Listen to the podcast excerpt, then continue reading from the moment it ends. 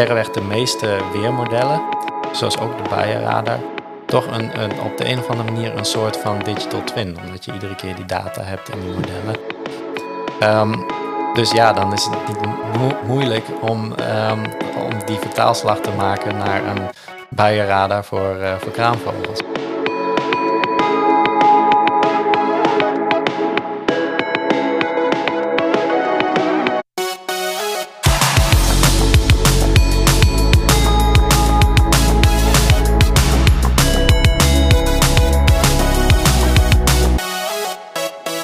Welkom luisteraars bij aflevering 4 van Data Driftig, een podcast van Little Rocket. Um, de vorige week hadden we te gast uh, social media juf Stephanie van de Kieboom. Dat werd een heel interessant gesprek over uh, jongeren en social media en wat data daarmee te maken heeft. En vandaag ben ik voor het eerst op locatie om deze podcast op te nemen. En wel op de campus van de Wageningen Universiteit ik ben bij eh, Koen de Koning. Koen, welkom in deze podcast. Ja, goedemorgen Bart. Goedemorgen. Leuk uh, dat je in Wageningen bent. Ja, dankjewel. Uh, we zitten hier hartstikke goed. Ik, ik keek hier naar buiten. Ik waarde me in een kas. Ja, voor jou is dit je, je normale werkplek. Maar klopt dat een beetje wat ik zeg, dat ik dat zie? Ja, dat is een beetje wat, het soort kantoor wat, wat mij sowieso wel heel erg aanspreekt. Ja. Lekker veel groen. Ja. Dus, nou, ik zit in een normaal kantoor, maar uh, als ik naar buiten kijk vanaf mijn uh, werkplek, dan kijk ik in een soort van kas, alsof je je ja, in Burgers Bush uh, ja, Nou ja, dus, precies. ja. ja, ja, zo, ja, ja het, is moeilijk om te ontbreken. is de, de apen en de, en de gorilla's, maar ja, ja. Dat, ja, wie weet. Um, ja, dus dat is wel een bijzondere locatie, dus ik vind het heel leuk om hier te zijn. Um, Koen, kun jij uh, onze luisteraars kort vertellen uh, uh, wat jij doet hier? Je bent universitair docent, maar in wat en wat doe je? Zeker. Um, ja, ik ben universitair docent in de vakgroep Milieusysteemanalyse. dat houdt in dat ik me bezighoud met, met milieuproblematiek. en met name de, de tools die je kunt gebruiken om milieuproblemen te analyseren en, uh, en eventueel uh, oplossingen daarvoor te bedenken. Ja. Um, onze vakgroep houdt zich veel bezig met onder andere met stikstof, met klimaatverandering en met biodiversiteit. nou, momenteel speelt de COP15, de conferentie van biodiversiteit van de Verenigde Naties. Oké. Ja, dat is een van die belangrijke thema's, ook politieke thema's en maatschappelijke thema's waar wij ons mee bezighouden en die ook heel actueel zijn. Ja. Um, en wat ik daarin doe is, uh, ik, uh, ik geef les in een aantal uh, van tools die we, die we kunnen gebruiken. zoals bijvoorbeeld ehm, kostenbatenanalyse, scenarioanalyse of nou ja, ook heel veel met, met modellen, dus ook met wiskunde, statistiek. Hm? En hoe je die, die tools kunt gebruiken om die, om die problemen uh, beter te begrijpen, de complexiteit van die problemen en uh, samen met stakeholders tot, uh, tot oplossingen te komen. Ja, ja, als je het zo zegt, dan zelfs natuur is data dan? Ja, dat, dat kun je in feite wel zeggen, ja. ja. dat, dat geldt niet voor iedereen binnen de vakgroep. Nee. Dus er zijn ook veel kwalitatieve onderzoekers. Ja. Um, maar ik zelf ben vooral bezig om de natuur te vertalen in, uh, in getallen, zodat ik daarmee kan rekenen en voorspellingen mee kan doen. Ja, ja, ja. dus dat, ja, dat zal voor heel veel mensen misschien ook wel klinken als, oh, daar had ik nooit aan gedacht dat dat ook kon. Um, kun je ze een voorbeeld noemen? Um, een klein voorbeeldje om het begrijpelijk te maken. Um, nou ja, waar we met onze vakgroep veel mee bezig zijn, is onder andere met, uh, met ontbossing. Oh ja. Uh, bijvoorbeeld in Indonesië, waar veel uh, bossen worden gekapt voor, um, voor palmolieplantages. Uh, nou, en dat zijn best complexe problemen, want je hebt wel allerlei maatschappelijke belangen bij die uh, palmolieplantages. Dus uh, zeker in ontwikkelingslanden waar ze toch op de een of andere manier voor inkomsten moeten zorgen. Ja, ja die mensen moeten ook eten. Ja, ja precies. En ehm, nou ja, aan de andere kant heb je natuurlijk ook wel de, de lokale stakeholders, de, de mensen die eh, die ook leven van het bos, ja. Eh, die dus niet zo profiteren van die palmolie. Nee. Ja, en dan ga je kijken met, eh, met modellen, met berekeningen, wat je, wat voor scenario's je kunt bedenken voor, voor de toekomst, voor, voor dat soort gebieden. Juist. En dan ga je doorrekenen van, goh, wat, wat betekent dat voor de biodiversiteit? Wat betekent dat voor eventuele inkomsten van palmolie? Maar ook hoe kun je dat op een, op een duurzame manier doen, zodat iedereen daarvan profiteert en niet alleen maar de grote, grote uitbaters. Ja, zodat je ook een gesprek kunt voeren wat niet alleen maar emotioneel als argumenten heeft, maar waarbij je gewoon keiharde berekeningen hebt van, nou ja, dit zijn scenario's als we het anders gaan doen dan we het nu doen. Ja, Klopt dat? ja exact. Ja. Oké. Ehm, nou, nu wel weer wat geleerd. Eh, dat doen ze dus ook op de Wageningen Uni- Ja, Universiteit. Oh, zeker. Ja. Ehm, en het, eh, jij geeft officieel milieusysteemanalyse. Ja. Dat is de Ja. samenvattende term. Ja, en dat, eh, dat is heel breed. Ja. Dus eh, we hebben allerlei projecten van, van stikstof tot klimaatverandering, tot ontbossing, biodiversiteit. En iedereen heeft daar een, een andere Ja. draai aan kunnen geven. Ja. Ehm, maar het, het analysegedeelte en het systeemdenken, systemen begrijpen door ehm, de complexiteit ervan eh, mee te nemen, de relaties tussen, eh, tussen dingen binnen dat systeem. Ja. Eh, dus niet alleen maar problemen heel simpel zien, maar juist ook kijken van, goh, er zijn heel veel elementen aan zo'n probleem.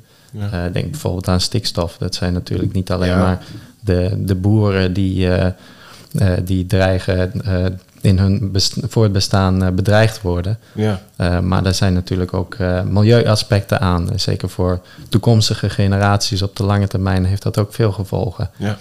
Dus, dus ergens moet je ook de complexiteit van het hele systeem begrijpen zonder alleen maar naar één element daarvan te, Ja. te kijken. Ja, jij, dat- jij hebt dat een beetje in beeld dan, hier, of in ieder geval samen met jouw Ja, dat, collega's eh, jouw dat vakgroep. leren wij in ieder geval onze studenten ook om, Ja. eh, om heel breed te kijken. eh, om, om wel te zorgen dat je, dat je niet zoals iedereen in de simpele verhalen meegaat, maar juist Ja. het complexe verhaal kunt Ja, vertellen. dat, dat vraag ik me af. Hoe kijken jullie dan naar discussies in praatprogramma's en in de media? Want ja, zelfs voor mij als leek lijkt het soms heel eenzijdig, waarbij ik wel eens denk, zo simpel kan het niet zijn. Maar Ja, is zo het dus bij simpel lange is het- na ook niet. Zo simpel is het vaak ook niet. Nee. En, en ehm, ja, dat, dat is het probleem van, van de media. Het, eh, het is heel makkelijk om op een, eh, een gedetailleerd probleem in te zoomen. Waar je heel erg kun, aan kunt relateren. Maar zodra het een beetje abstract wordt, Ja, dan is het al moeilijk om, om het te begrijpen. Hè? Ja. Dat is hetzelfde met klimaatverandering. Wat wij hier doen heeft invloed in Afrika, heeft invloed in Azië. En dat op een hele lange termijn. Ja, Alleen daar, ga je, daar wil je de meeste mensen ook niet mee lastigvallen. Dat is ook de realiteit. ja, Ehm, maar het is wel goed dat er wetenschappers zijn die wel die complexiteit zien. En ook daardoor voor, voor bijvoorbeeld de politiek de urgentie aangeven van het nu handelen. ja, ja. En ehm, je hebt nog geen boze boeren op de stoep gehad? Of wel?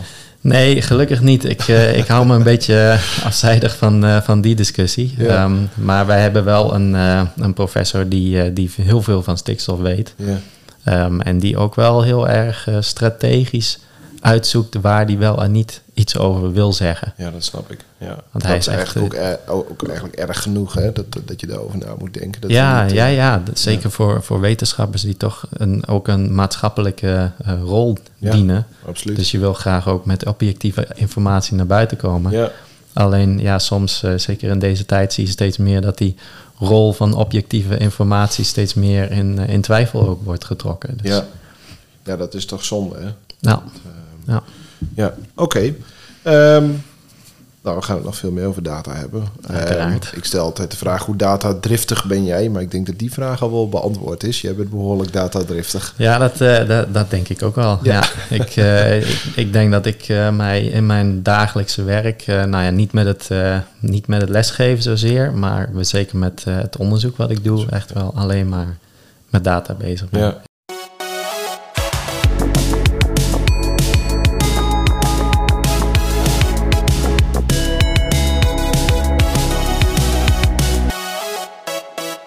Wat is jouw data buzzword? En eh, moeten we dat dan houden of moeten we daar vanaf? Wat is jouw buzzword? Digital twins. Digital twins. Ehm, nou, leg uit. Wat is een digital twin?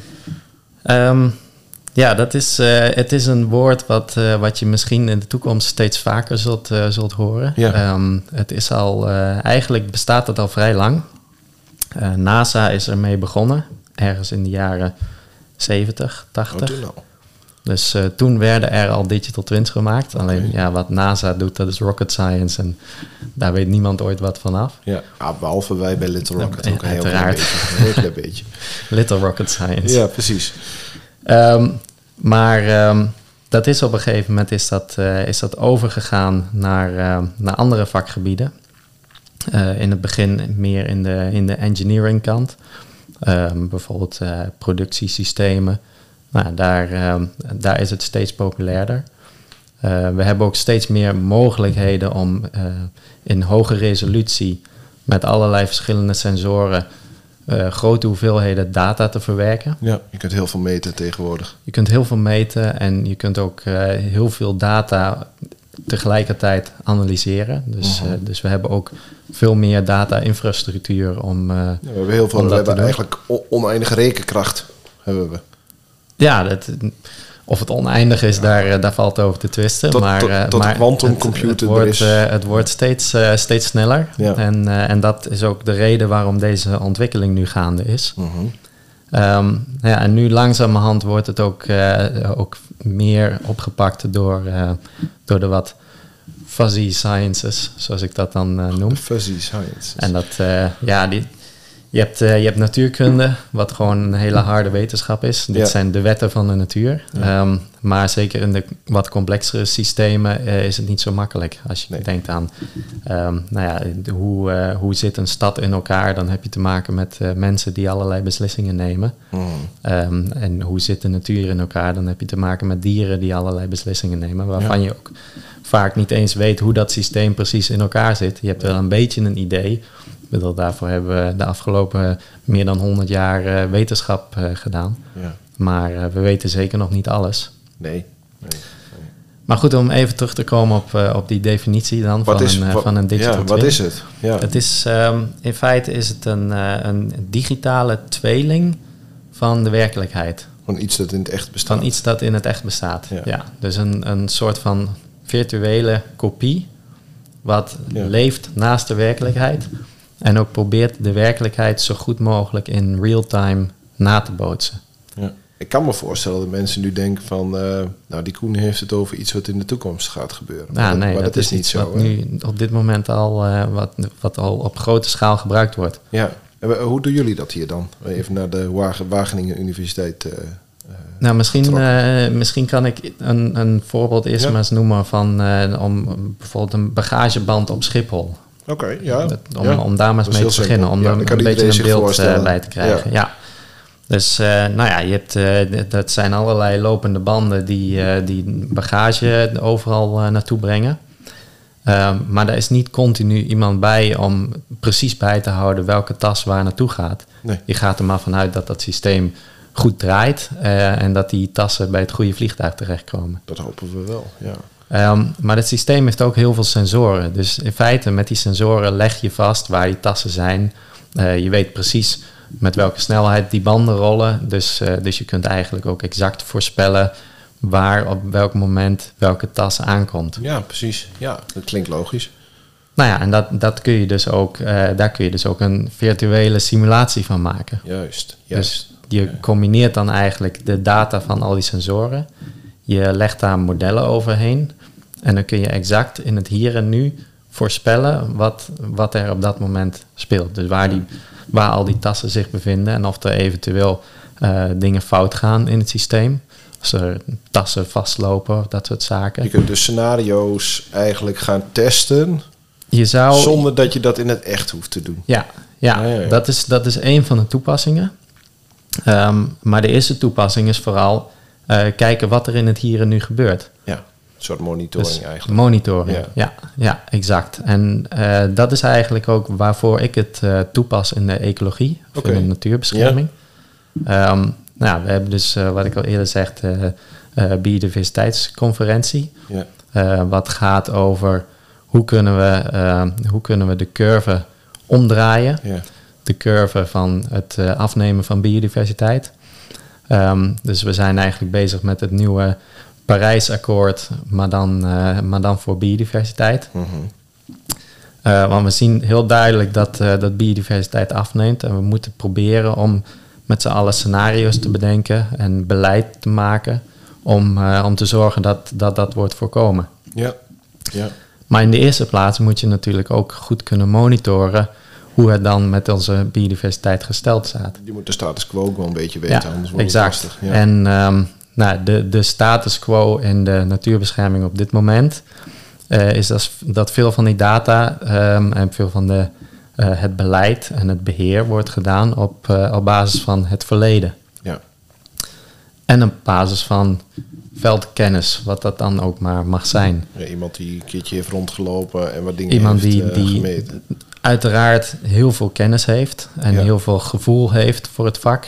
Ehm, nou ja, die, eh, die rijdt rond of loopt rond in zijn gebied eh, en heeft een idee van nou, het, eh, het gaat dit jaar niet zo goed met de vinken of het gaat Ah, heel goed ja. met de buizerd. Ja. Ehm, nou, en op basis daarvan beslist zo iemand wat, wat er moet gebeuren. Of er nog beheermaatregelen genomen moeten worden. Ja, ja, ja, ja. Maar ja, als Alleen- je heel veel sensoren hebt, je doet dat dag en nacht. Juist, ja. Ja. Want ehm, het, ja, het, is, eh, het is makkelijk gezegd dat je dat, je dat wel even zo eh, uit de losse pols Nee. kunt doen. Maar nou ja, jij, jij begrijpt ook wel dat, eh, dat met data kun je gewoon veel meer en veel meer in real time. Ja, en zeker als het gaat op, om ehm, grootschalige surveys over eh, nou ja, wat is de, de status quo van onze biodiversiteit en, en wat zijn ook de, de drijvende factoren achter het verlies van biodiversiteit. Zijn Ja. dat, eh, nou ja, het zit, eh, zit dat in de bodem, zit dat in de lucht, Ja, zijn dat, menselijke factoren? gewoon, niet zo goed. voor, voor veel dingen hebben we wel een idee, maar we kunnen het niet zo goed in het, in het hier en nu in real time monitoren. Ja, ja, ja, ja. En nou ja, de visie is dus dat we dat met digital twins wel kunnen doen. ja. Dan kun je heel veel simuleren ook. En Ja. kun je heel veel Ja. dingen uitproberen. Omdat het een echte tweeling van de echte natuur is. Ja, ja, Oké. ja. En het idee is dus dat je, eh, dat je modellen combineert met, eh, met data. Ja. Dus je gebruikt wel degelijk die expertkennis van die persoon die, eh, die in het bos Ja, zit. die is niet nu ineens overbodig geworden. Absoluut Nee, niet. Nee, nee, dat, is een, dat is een essentiële eh, spoel in, in, het hele, Ja. eh, in het hele verhaal. Ehm, want, want die persoon die, die bepaalt ook van, die, die informeert ook dat model van, ja, wat, klopt het eigenlijk wel wat wij aannemen over hoe dat systeem werkt? Ja.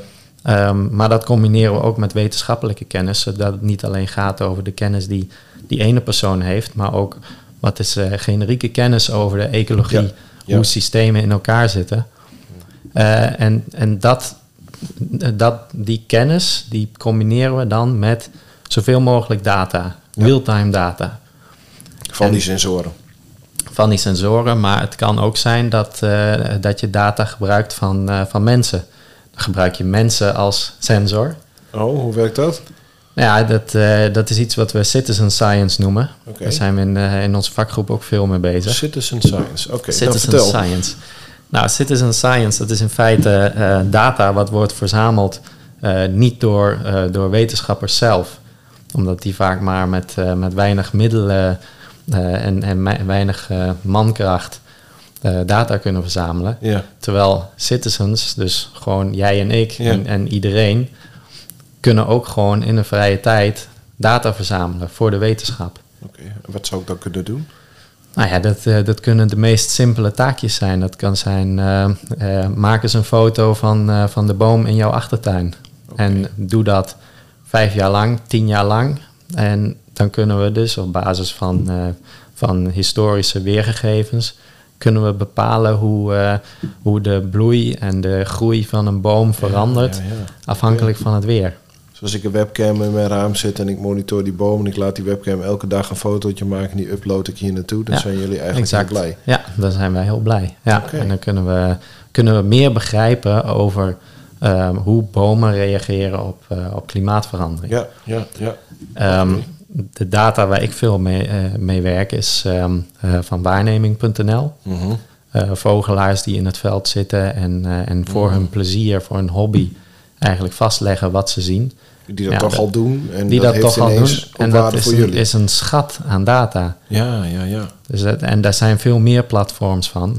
EBird is ook een hele grote internationaal platform. Ja, Ja, en als je op dat soort platforms gaat kijken hoeveel waarnemingen van dieren, planten, insecten het allemaal gedaan zijn, ja. dan heb je eigenlijk al van meer dan 30 jaar een schat aan data waarin je veel beter kunt monitoren hoe het, eh, hoe het met de natuur eh, gesteld staat. Ja, ja, en daar kun je dan een digital twin van maken. exact. Ja. Helder. Ehm, mooi concept. Digital Ja. twins. Ehm, het was mij enigszins bekend, maar ik heb zeker in deze hoek eh, nu ook echt wat geleerd. Ik hoop de luisteraar ook. ja, dat hoop ik ook.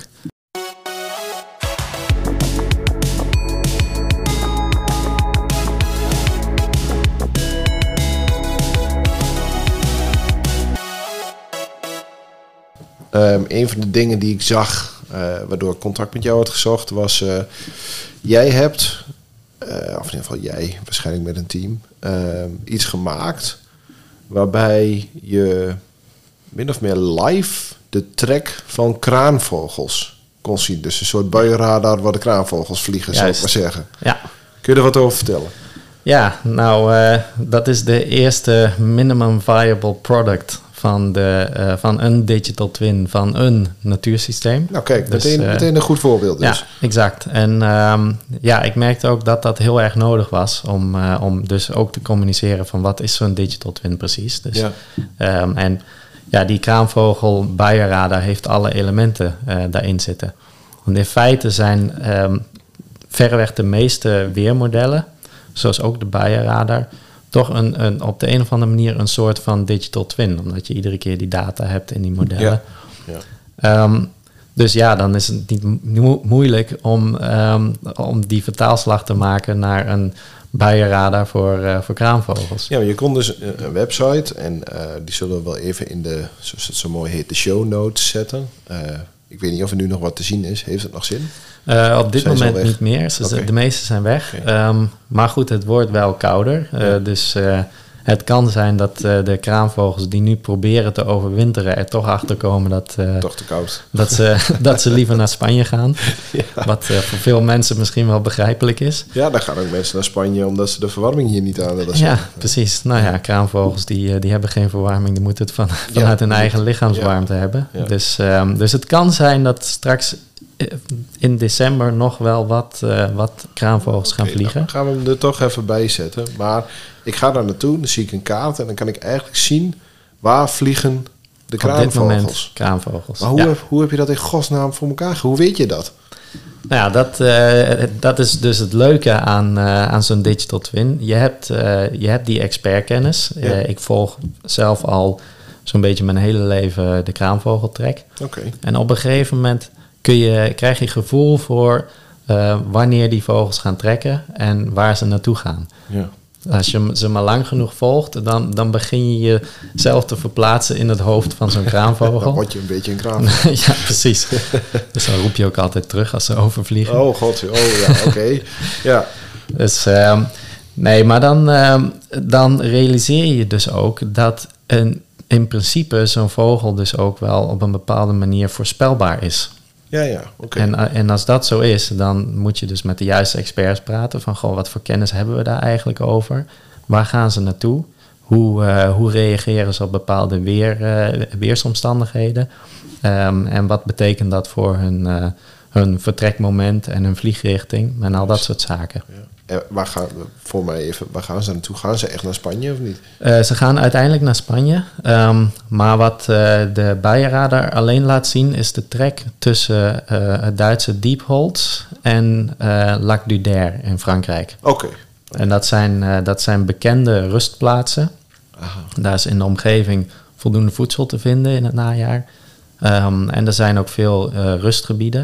Het zijn eh, natte veengebieden waar ze dus s'nachts rustig zonder, eh, zonder bang te zijn voor vossen gewoon kunnen, kunnen overnachten. Oh ja, dat is ook wel handig. Ja. Dus eh, nou ja, daar, daar zitten ze dus eh, wel langere tijd, wachtend op het juiste weer, een noordoostenwind, En met name als het wat kouder wordt, dan dat geeft vaak een trigger om te vertrekken. Oké. Dus Noordoostenwind, kouder. Zonnig weer, Ja. dat is ook een hele belangrijke. Dus, nou, het, het kan ook kouder en zonniger Ja, worden. want e- even voor de luisteraar, hè, die de oplettende luisteraar denkt al, aha, dat zijn allemaal datapunten. Juist, Waarmee ja, dus de voorspelling juist. hoger wordt. Precies, dus, dus dan weet dat geeft al een beeld van, goh, dit zijn dus de factoren die ik in zo'n model moet gaan stoppen Ja, om dat eh, te kunnen gaan voorspellen. Nou ja, en dan, eh, dan gaan ze vertrekken. Ja. En eh, nou ja, dan, dan weten we dus ongeveer wat, eh, wat ze gaan doen. Ze gaan in ieder geval van Diepholz naar Lac d'Uder. Ehm, nou ja, en dan speelt wind nog een rol. Ja. Eh, dus dan heb je wel historische data nodig. Hmm. Eh, ik werk samen met de een Zweedse universiteit, de Sveriges Landbroek Universiteit, als ik het goed zeg. Waar zit die? Ehm, dan moet ik even, dat weet ik zo even uit mijn hoofd niet. dat Maar maakt in ieder geval, eh, zij, ehm, eh, het- zij hebben kraanvogels gezenderd. Ah. Eh, dus een, GPS-halsband omgedaan. Oké. Ehm, en Dat ze hebben dus van de, van de afgelopen tien jaar hebben zij gegevens om het half uur een, een GPS-coördinaat. Eh, en nou ja, als je dat over historische weerdata heen legt, dan kun je precies zien welke vliegsnelheid ze hebben en welke vliegrichting. En hoe ze dus corrigeren voor zijwind of voor rugwind. Eh, met welke snelheid ze, eh, ze vliegen, want ze passen hun snelheid ook aan. Afhankelijk van, eh, van of ze tegenwind hebben of wind mee. Nou ja, en als je dat, als je dat weet, Dan kun je een kraan, Dan kun je kraanvogel dat, bij je radar maken. Exact, ja. Dan Ja. kun je dus bij iedere waarneming die dus via waarneming.nl doorgegeven wordt, Ook nog, ja. kun je gaan, kun je gaan doorrekenen. En het leuke is dat, eh, dat de kraanvogel ten eerste best wel voorspelbaar is.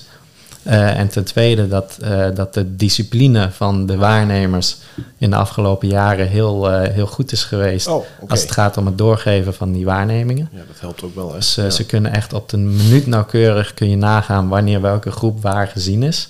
Oh, wauw. Ja, en als die, als die mensen dat allemaal maar zoveel mogelijk in het veld op het moment van waarnemen eh, blijven doen, dan kun je dus gekoppeld aan die waarneming een voorspelling doen. En dan kun je dus vervolgens ook zeggen van nou, hier heeft iemand een groep van 30 gezien.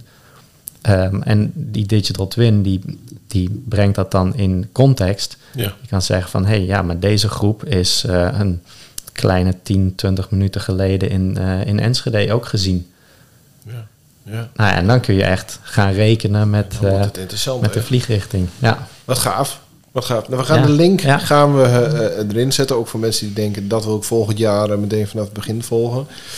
Ook natuurlijk een kleine aanmoediging voor mensen die toch veel in de natuur zijn. Maak gebruik van waarneming.nl. Ik denk dat ze ook een app hebben die je op je telefoon kunt zetten of zo. ja de Ops, Ops Maps volgens mij heet die app. Nou, als je zoekt op waarneming zal het goed komen. Dan Ja, dat denk ik wel. gaan we, ga ik wel even opzoeken. Dat is goed. Interessant. Ja. Ehm, het tweede ding waar ik het met je over wil hebben, is eh, jij bent ook actief voor eh, een NGO, Sensing Clues. Ja, En ehm, dat is eigenlijk een, eh, ja, een NGO. Is dat, ja, is dat een goed doel? Nou, ik noem het maar even zo. Ehm, die zich bezighouden met wild. Ehm, in Afrika, in Europa, allerlei plekken op de wereld volgens mij. Waar jij qua data ook een belangrijke rol hebt. Kun je eens een paar voorbeelden noemen? Of vertel eerst maar eens even ja. wat Sensing Clues in jouw eh, woorden is. En, en, en een paar voorbeelden geven wat, wat je daar dan doet. Ja, Sensing Clues is een organisatie die eh, data-infrastructuur eh, maakt, ontwikkelt om, eh, om de natuurbeschermingspraktijk eh, te kunnen ondersteunen. Ja. Als je geïnteresseerd bent, eh, kun je vastleggen. Ja. Ehm, dus me- met een GPS-coördinaat en een, en een tijdstip.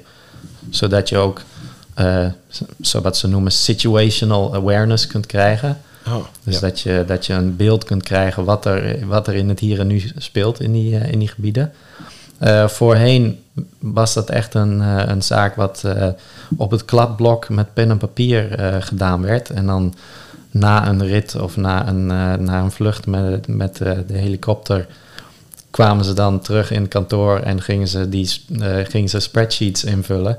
Ja, maar we hebben het ook over bijvoorbeeld na natuurreservaat in Afrika. Ja. het, hè? Dus dat Ja. is gigantisch. Die Ja, net dat zo zijn gigantische gebieden en dat, ja, om dat, om dat allemaal vast te leggen, die data, Dat dat, is niet eh, mis. dat, is, dat is niet mis. Nee. Ehm, nou ja, en het voordeel is tegenwoordig heeft, eh, heeft iedereen een smartphone. Ook in de meest eh, afgelegen gebieden in Ja. Afrika hebben ze gewoon smartphones. Ehm, nou ja, en dan, dan kunnen ze dus met de app van SenseInclude kunnen ze hun gepersonaliseerde, in een gepersonaliseerde omgeving waarnemingen vastleggen. En op basis van die waarnemingen worden er modellen gemaakt. Ja. Dat kan zijn eh, habitatkaarten, dat, dat je inzicht kunt krijgen in bijvoorbeeld eh, wat, eh, wat beren voor habitat nodig hebben. Juist. Zodat je nou ja, beter, beter kunt kijken hoe het, hoe het met de kwaliteit van het leefgebied zit van dat de, dat van de gebeurt ook in Europa echt, hè? Dat gebeurt ook in Europa. en, Ja, ja, klopt. Ja. ja. Ehm, en er worden risicokaarten ontwikkeld. Oké. Eh, dat kan heel breed zijn. Dat kan zijn eh, risico op eh, mens-dier-conflicten met, eh, met grote roofdieren. Eh, maar ook risico's op, op stroperij en illegale activiteiten, illegale visserij, nou, noem maar op. Ja. Ehm, en dat helpt rangers weer om eh, heel gericht te gaan kijken van... goh, wat zijn nou de gebieden waar we vaker moeten gaan patrouilleren? Ja, ja Dat want als je zo'n ranger bent, je bent niet met duizend mensen. Dus je, je moet eigenlijk wel gewoon clues hebben. Ja. Nou, waar moeten we zijn om te zorgen dat we stroperij of andere dingen tegengaan. En eh, natuurlijk hebben die, hebben die lui hartstikke veel ervaring... Ja. Eh, maar het helpt toch wel als je Maar geen- data kunt toevoegen. ja, ze hebben geen glazen bol. Nee, ze hebben- en het is toch een beetje een, eh, een kat-en-muisspel. Dus Ja. je kunt ook zien hoe dingen veranderen over de tijd. Ja. Nou, nou ja, daar worden dus ieder zoveel tijd kaartjes geproduceerd om, om de rangers te brieven waar ze dan de komende weken extra aandacht aan moeten besteden. Precies. En eh, ik zag op de website van Sense Include, jullie hebben nu ook iets ontwikkeld ehm, met eh, microfoontjes eigenlijk die in het veld hangen op heel veel plekken. Waarmee je ook eh, geweerschoten kunt detecteren. Dus een computer luistert continu Nou, en die hoort een geweerschot en geeft dan een signaal aan de rangers. hey, op deze plek hier, hier wordt geschoten. ja, microfoontjes zijn een van de voorbeelden van de sensoren die je kunt gebruiken. Ja, Uh, maar je kunt ook cameravallen bijvoorbeeld uh, gebruiken. Dus uh, nou ja, dat zijn allemaal geautomatiseerde sensoren, zodat je niet, niet alleen bent met mensen, ja. maar, want mensen moeten ook een keer slapen. Ja, je kunt niet de hele dag met die helikopter rondvliegen. exact, ja. Nee. En, en sensoren slapen nooit, dus, nee. dus dat is het En voordeel. computers hoeven nooit naar bed. Dat is wel heel exact. handig, ja, in heel veel gevallen. Ja, ja, en dat is, uh, dat is wel een leuk, uh, uh, leuk voorbeeld. Want ja, het klinkt natuurlijk heel gek van ja, computers hoeven nooit naar bed. Nee. Maar het is, het is nu echt zo dat bijvoorbeeld de olifanten in Afrika, die, die slopen nog alles wat. Die maken ook zelf dingen grote, kapot. grote ja. dieren. Ja. Um, en de, zeker in de kampen van de rangers kan dat echt wel voor problemen zorgen. Zeker in de tijd dat, uh, dat er weinig water is, dan proberen ze ja. de, de, waterleidingen te slopen om te oh, kunnen echt? drinken. Ja, dat weten ze gewoon? Ja. Oh, vet. en uh, nou ja, dan, dan hebben we Michelle Henley, die eh, verantwoordelijk is voor, eh, voor, de, ehm, voor de kampen, voor de veiligheid eigenlijk. En die, die weet veel van waar die, waar die olifanten naartoe gaan. Die kan dat mooi voorspellen op basis van uh, GPS-gegevens. Juist. Want die data hebben ze wel al. Uh, maar dat houdt toch in dat Michel bijna nooit slaapt.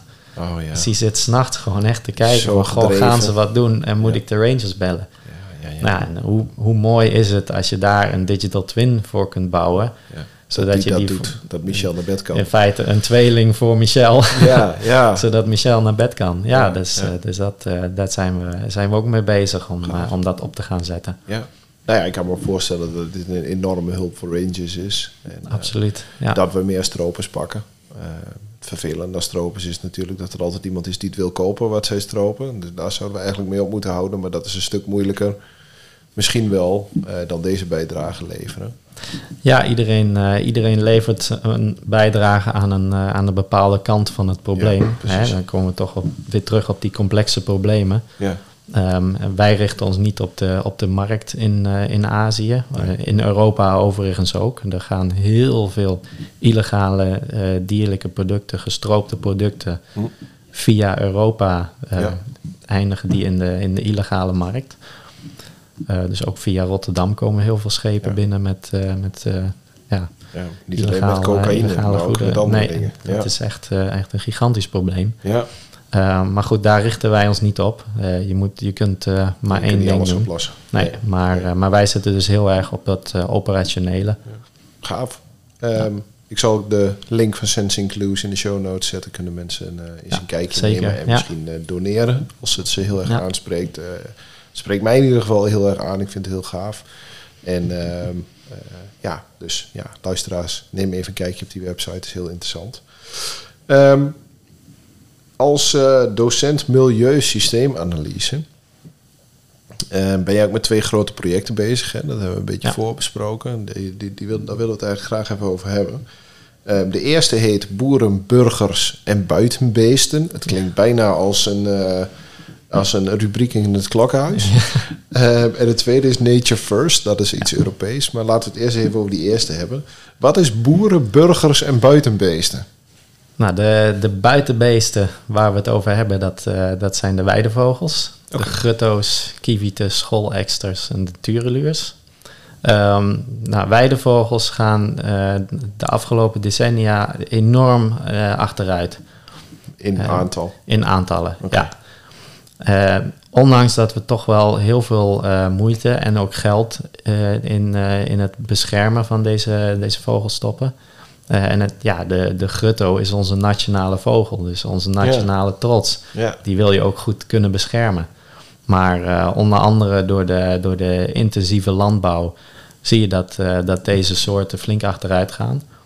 Um, en er zijn, uh, zijn wel initia initiatieven om, uh, om die nesten te beschermen. Door er bijvoorbeeld een stokje met een vlaggetje bij te zetten. Ja. Zodat de boer daar netjes omheen kan maaien.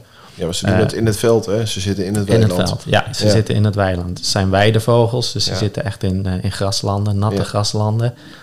Um, en het, zeker in de, met name in de tijd dat ze nestelen, zijn die jongen erg kwetsbaar. Ja. Uh, dus die worden vaak ook opge, opgegeten door, door roofdieren. Oh, ja. Dus het is niet.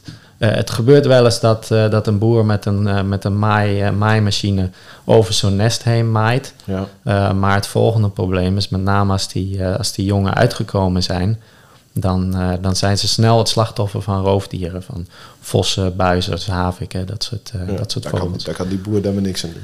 Daar kan die boer uh, wel degelijk wat aan doen. Oh. Uh, het, is, het is natuurlijk niet de schuld van de boer, Nee. uh, maar er kan wel wat aan gedaan worden. En wat dan? Nou, een van die dingen is dus, wat ik al zei, met een vlaggetje kun je aangeven waar die, waar die nesten zitten. Ja. Het probleem is, vossen en buizen zijn slimme dieren. Ja. Dus die hebben op een gegeven moment geleerd, hé, hey, een vlaggetje, daar zit een nest. Ja. Um, dus daar hebben we het volgende probleem. Ja. Um, dus hè, dat komt weer terug op die complexe systemen. Ja. Die moet je dus ook meenemen in dat hele verhaal. Dus je moet ook begrijpen waar die uh, roofvogels zitten, die, uh, die vossen. Uh, en kunnen voorspellen wat, waar, ze, waar ze ze dan s'nachts of overdag gaan jagen om, om die dieren te pakken. Ja. Nou, dus, dus daar zijn wij uh, ook weer digital twins voor aan het ontwikkelen. Dus uh, nou, dat is het, uh, het, project waar we mee bezig zijn. Dat is het project. Digital ja. Twin voor digital boeren, twins burgers. Voor, en ja, en nou ja, daar, daar zitten dus ook weer de, de burgers zijn in dit geval de, ook de, de waarnemers weer. Ja, oh ja. ja. Dus die via waarneming.nl hun, hun roofvogelwaarnemingen doorgeven of hun weidevogelwaarnemingen. Ja. Ja. Want dat geeft je weer informatie in goh, wat, uh, wat zijn nou de gevaren? Um, en kunnen we dat ook relateren aan het landschap? Ja. Uh, zijn er bosjes in de buurt?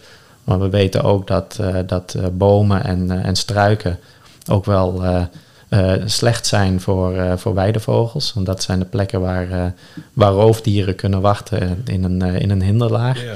Maar hoe, hoe weet je dat dan? Dat weet je op basis van satelliet-images of zo? Of dat, foto's die mensen nou, uploaden? Dat, dat weten we op basis van wetenschappelijke kennis. Dus er, er zit okay. heel veel kennis binnen dat project. Um, ah, ja. Maar dan is vooral de, uh, hoe vertalen we die kennis nou naar modellen ja. en data.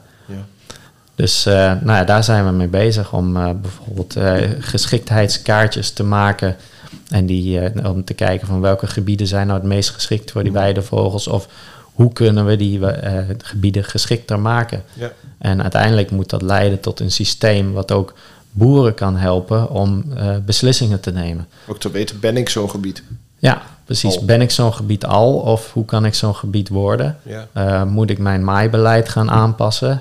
Um, hoe kan ik uh, zorgen dat ik uh, zonder vlaggetje kan gaan maaien? Dat, oh, ja. dat ik weet waar die nesten zitten, maar de roofvogels niet. Ja. Dus, moet echt die data in zijn trekkersysteem, zou ik maar even zeggen. Exact, of ja, niet? ja. ja. En nou ja, dat, dat is volgens mij niet heel ingewikkeld om dat te doen. Nee, dat klinkt als een automatiseringsprobleem. Ja, maar goed, daar moet, daar moet natuurlijk wel heel wat... Uh, wat, uh, wat mankracht in zitten om, uh, om dat voor elkaar te krijgen. Ja, en een leverancier van die systemen moet dat ook kunnen en willen. Ja. Je moet ook het belang zien. Ja. Oké, okay, waarom zijn wij de vogels zo belangrijk dan? Nou ja, zoals ik al zei, de, de grutto is onze, onze nationale vogel. Dus ja, okay. het, is, het, is, onze, onze nationale ja, trots. Het stond de school extra ook niet op een uh, gulden biljet? Ja, Zo ja klopt. Ja, ja, de snip. en de, de snip, ja. Dat, uh, dus uh, dit is inderdaad, en ook de grutto, die stond volgens mij 25 gulden of zo. Ja, dat zou kunnen, ja. Dat is lang geleden. Ja, klopt. Maar um, ja, dat, dat laat zien dat uh, het, het is ook een stukje van onze identiteit als Nederlander. Mm. Uh, we leven hier niet alleen maar met mensen in dit land, maar ook met dieren. En we hebben heel veel weiden. En we hebben heel veel weiden. Ja. Dus uh, nou ja, hoe mooi is het als je, als je weer ja, duizenden grutto's in je land hebt en, en daar gewoon met z'n allen van kunt genieten. Ja, ja, ja we, we zijn ook maar een klein landje in een grote wereld. Het klinkt heel sprookjesachtig, maar ehm, ecologisch gezien, ja, uh, vogels en dergelijke doen niet aan landsgrenzen of aan taal of aan andere ja, dingen. En, dus en da, daar, zijn, daar zeg je ook wat. Het, het, het weidegebied, ja. wat, niet zomaar ergens anders in Europa uh, ja, ook is. Het, het is inderdaad, uh, de, de weidevogels die in Nederland zitten, zijn in Europa toch wel, is Nederland een van de belangrijkste gebieden voor de bescherming van die weidevogel. Okay. Dus we hebben ook een, een wettelijke verantwoordelijkheid, ook Europees gezien. Aha dus die, uh, die dieren zijn ook uh, op Europees gebied beschermd. Okay, ja. en, uh, en wij hebben als Nederland daar een hele, hele belangrijke functie in. We, we leven in een deltagebied en een deltagebied is ja. uitgesproken een gebied voor, voor veel vogels. Ja, ja ik zag laatst een kaartje voorbij komen. Volgens mij was het ergens op Twitter.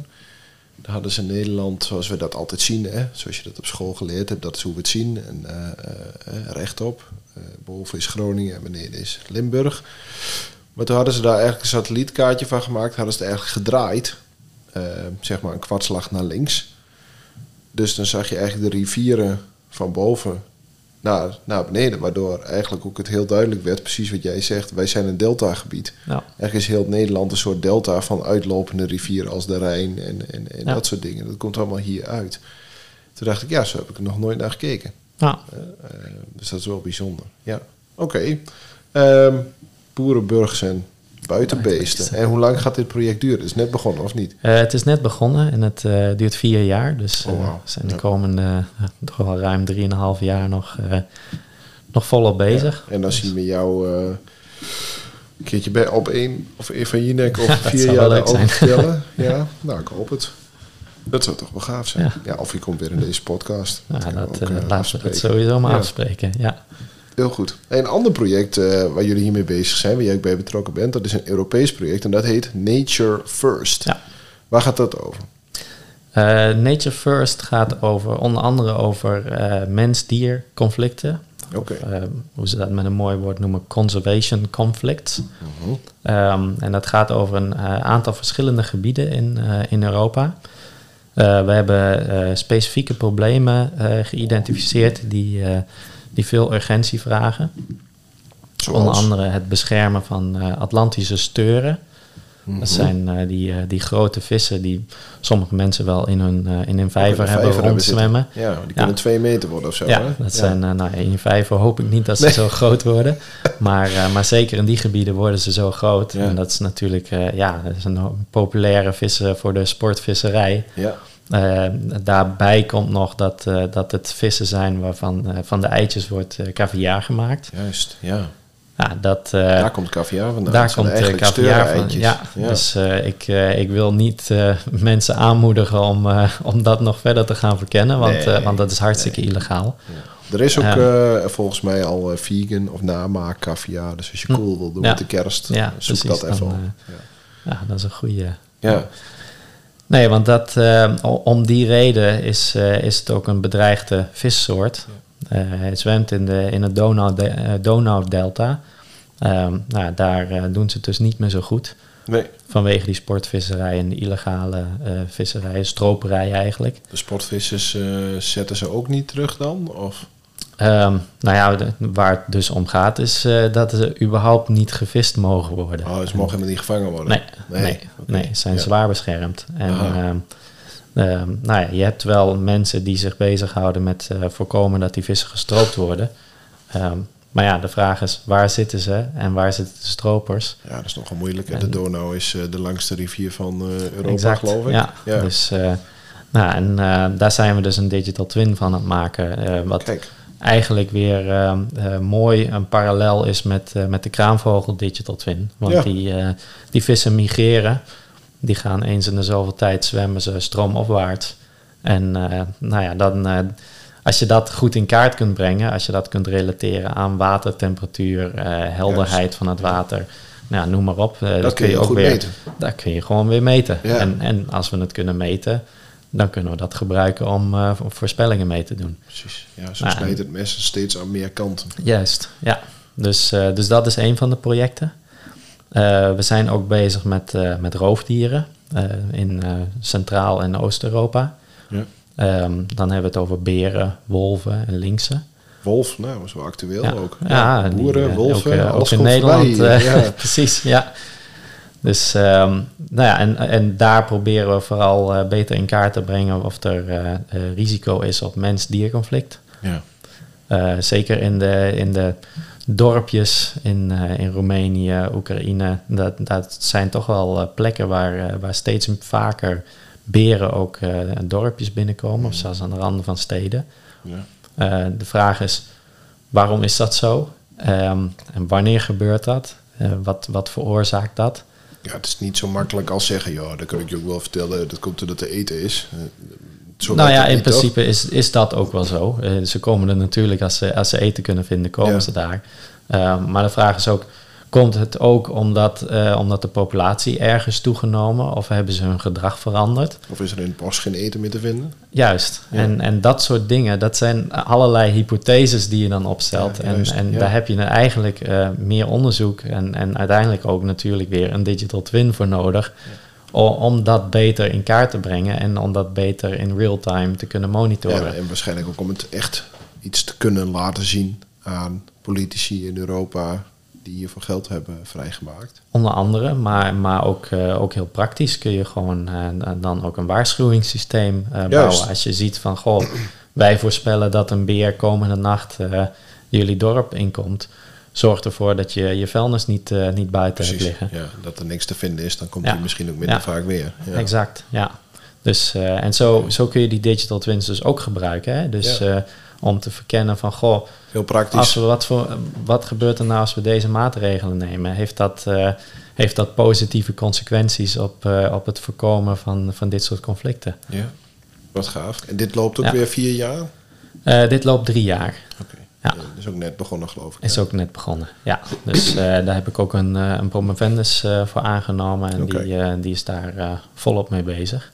Wat leuk, ja. Ehm, Valt het ergens te, te, te volgen? Als iemand zegt, goh, ik wil er meer van weten. Eh, ja, we zijn bezig met het bouwen van een, eh, van een website. En Kijk. we hopen zo snel mogelijk online te gaan. En dan, eh, dan is alle ontwikkelingen omtrent dat project zijn ook te volgen. Zetten we ook in de show notes dan.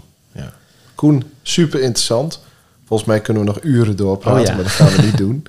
Ehm, de rode lijn is volgens mij een beetje digital twins. Eh, dat komt steeds terug. En waarom dat zo belangrijk is, zeker voor eh, ja, dus, ja, use cases zou ik bijna zeggen in de ecologie en het milieu. Eh, bijzonder interessant. Eh, heel leuk om je daarover te horen praten. Ehm, maar we moeten nog naar onze laatste rubriek. Dus dat gaan we nu even doen. Dat is goed.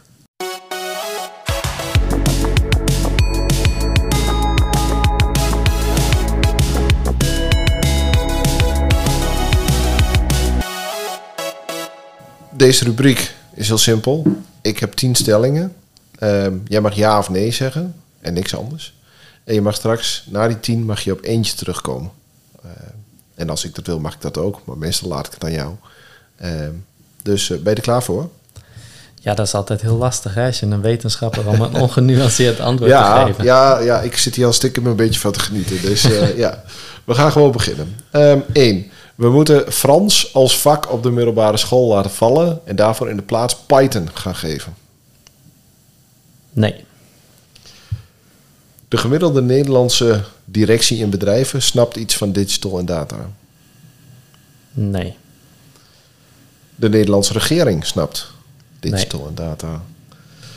We zouden privacy meer moeten onderwijzen in het onderwijs. Ja.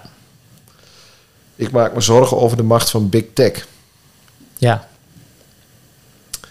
Ik zou een algoritme of kunstmatige intelligentie zelf gebruiken als niet volledig, als, ook als het niet volledig uit te leggen is. Ja. Over vijf jaar heeft elk bedrijf dataprofessionals in dienst. Ja. Als bedrijf moet je nu haast gaan maken met digitale transformatie. Ja. De zorg zou veel meer gebruik moeten maken van de mogelijkheden die data en digital biedt. Nee. Hoe eerder wij in de EU Facebook en TikTok verbieden, hoe beter. Ja. nou, dat was de laatste. Wil je er op eentje terugkomen? Ehm, nee, ik denk eerste ingeving is altijd de beste. Je was heel snel bij eh, de Nederlandse regering snap digital en data. Dat was, ik had de vraag nog niet af en je zei al nee. Ja. Zit dat diep? Ehm, Of nou, ik denk dat, te maken? eh, Ik, ik denk dat, ehm, dat het met name is... Kijk, ik, ik verwachtte natuurlijk ook wel dezelfde vraag als, eh, als die de voorgaande, alleen Ja. aan de Nederlandse regering. Ja. Ehm, ik, ik denk ten eerste dat dat zeker niet zo is, maar ik denk dat het wel heel erg belangrijk is, Ja. zeker op hun positie, om dat wel eh, meer onder de knie te krijgen. Ja. Ja. ja, het is ook misschien niet onlogisch dat het nog niet zo is. Maar we moeten wel haast maken, dat is wat jij zegt. Absoluut, ja. ja anders begrijpen ze niet eens wat jij aan het doen bent. Nee, Digital nee twin, en het is, ehm, ja, de ontwikkelingen gaan, gaan altijd veel sneller dan, eh, dan het beleid zich daarop eh, kan aanpassen. Ja, dat mensen ook. Dus, ja. ehm, ja, ik denk eh, zeker voor een land als Nederland, wat toch heel erg innoverend is, ja. is het wel zaak dat we, dat we snel op dingen vooruit gaan lopen en niet achter dingen aan gaan hobbelen. ja, het kan onze kracht richting de wereld zijn. Hè? Ja, Ja, hartstikke goed. Ehm, nou, Koen, eh, bedankt. Ehm, wil, jij, wil jij nog iets kwijt? Is er nog iets wat je nog wil vertellen? Dat je zegt, dat ben ik nog vergeten? Ehm, ja, er is misschien nog één ding over de digital twins wat ik niet heb verteld. Wat, eh, wat wel heel belangrijk is. Het geeft ook inzicht in wat we niet weten. Ja. En dat is zo mooi. Nou ja, je kunt, eh, je kunt modellen maken die dingen voorspellen. En dan gaat het heel vaak zijn eigen leven leiden. En dan eh, volg je één getal of één voorspelling. En dan zeg je van dit, dit is wat de toekomst gaat brengen. Ja, Of dit is, wat, dit is de waarheid. ja, Uh, maar de waarheid is ook altijd uh, voor een deel onzeker. Zeker als het gaat om voorspellingen van modellen. Uh, en dat zul je ook in die kraanvogel Digital Twin of de kraanvogelradar wel zien. Mhm.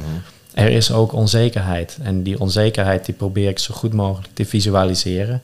Ja. Dat is niet makkelijk. Het is niet makkelijk om dat Nee. ook te communiceren.